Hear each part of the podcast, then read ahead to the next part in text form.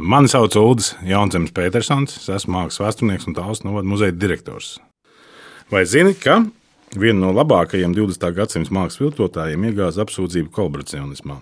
Antons Van Grēns, kurš ir dzimis 1889. gadā, mūsdienu Nīderlandes teritorijā, holandiešu glaznotājs, portretists un patiesībā savu slavu viņš, protams, iemāja kā viens no slavenākajiem 20. gadsimta viltotājiem, kurš bija slavens ar 17. gadsimta holandiešu glaznotāju Pīteru de Hoju un Vermeeru viltošanu. Jāteic tā, ka būdams pārliecināts mākslinieks, realists, Grēns nevarēja tā īsti izcīnīt vietu tajā mākslas pasaulē, kur jau valdīja modernisms. Un jāteic, ka viņa pirmā izstāde piedzīvoja vilšanos, un viss rezultātā viņš pievērsās gleznu viltošanai. Pirmās četras gleznas, kas bija arī izpildītas 17. gadsimta stilistikā, netika pārdotas, bet viņa stilistiskie un tehniskie eksperimenti viņu pašu tik ļoti pārliecināja par viņu pašu spējām, ka viņš uzgleznoja darbu Kristus Emausā ar mēra tehnikā. Un šo darbu par ordinālu atzina tā laika lielākie Holandas mākslas zinātnes speciālisti. Tostarp Brīdijs, kurš arī veicināja šīs gleznas nonākšanu Rotterdamas Mākslas muzejā, Bonamās un Beningēm muzejā, ko nopirka par privātiem ziedojumiem. Pats Megrēns 1938. gadā devās uz Nīcu, kur uzgleznoja vēl pāris viltojumu, tostarp ar Pīteru Hoihu stilā. Turpināja atdarināt ar mēru stilu radot vairākas reliģiskas sižeta darbus, it kā cenšoties papildināt ar mēru mantojumu, starp kuru ordināliem bija ļoti maz tādu reliģisko sižeta darbu.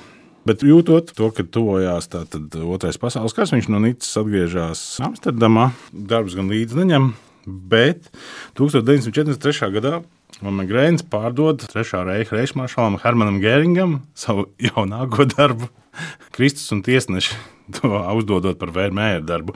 Un par šo gleznu viņš paprasīja 1,600 tūkstošu guldeņu, kas tam laikam ir teju vai rekorda summa, kas vispār ir tikusi uz to brīdi samaksāta par kādu no vecajiem darbiem. Beidzoties karam 1945. gadā. Amerikāņu kapteinis Harijs Andersons atklāja, ka Kristus un tiesneši atklāja viņas Gēriņa kolekcijā un diezgan ātri noskaidroja, ka šos, šīs gleznas pārdevējs ir Grēns.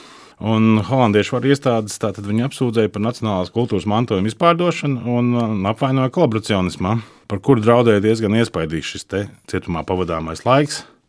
1945. gada 29. maijā viņš tika apcietināts, bet nu, pēc divām nedēļām ieslodzījuma viņš paziņoja, ka patiesībā pārdotās gleznas ir viltotas. Bet, lai noticētu, tāda, lai vispār autentificētu to, ka viņš tiešām ir šis autors. Nīderlandes valdība sešām nedēļām viņu ievietoja speciālā mājā, kur viņam vajadzēja pierādīt, un tad viņš gleznoja gleznu kas saucās eh, Jaunais Kristus, kas sludina templī. Nu, tādējādi viņš pierādīja to, ka tiešām tas ir viņš. Viss rezultātā 47. gada novembrī viņš tika notiesāts par mākslas darbu viltošanu uz vienu gadu. Tātad viņš tiešām būtiski samazināja šo savu cietumā pavadāmo laiku. Protams, tiesas procesa rezultātā viņš zaudēja visu, kas viņam piederēja. Jāteic, ka cietumā viņam gan atļauts strādāt, viņam bija tik piešķirta papīra zīme, un viņš zīmēja, bet nevienu glaznu vairs nav uzgleznojis. Nu, un cietumā viņš tā, nu, 58 gadu vecumā nomira no sirdslēksmes, ko izraisīja pārlieku liela aizraušanās ar alkoholu pirms tam jā, nu šis arī ir ievērības cienīgs fakts ar to, ka mēs tiešām nekad nevaram zināt, kas ir īsts un kas nav īsts. Jo pat šajā gadījumā tiešām autoritīvākie Nīderlandes mākslas zinātnieki atzina šo darbu par īstu.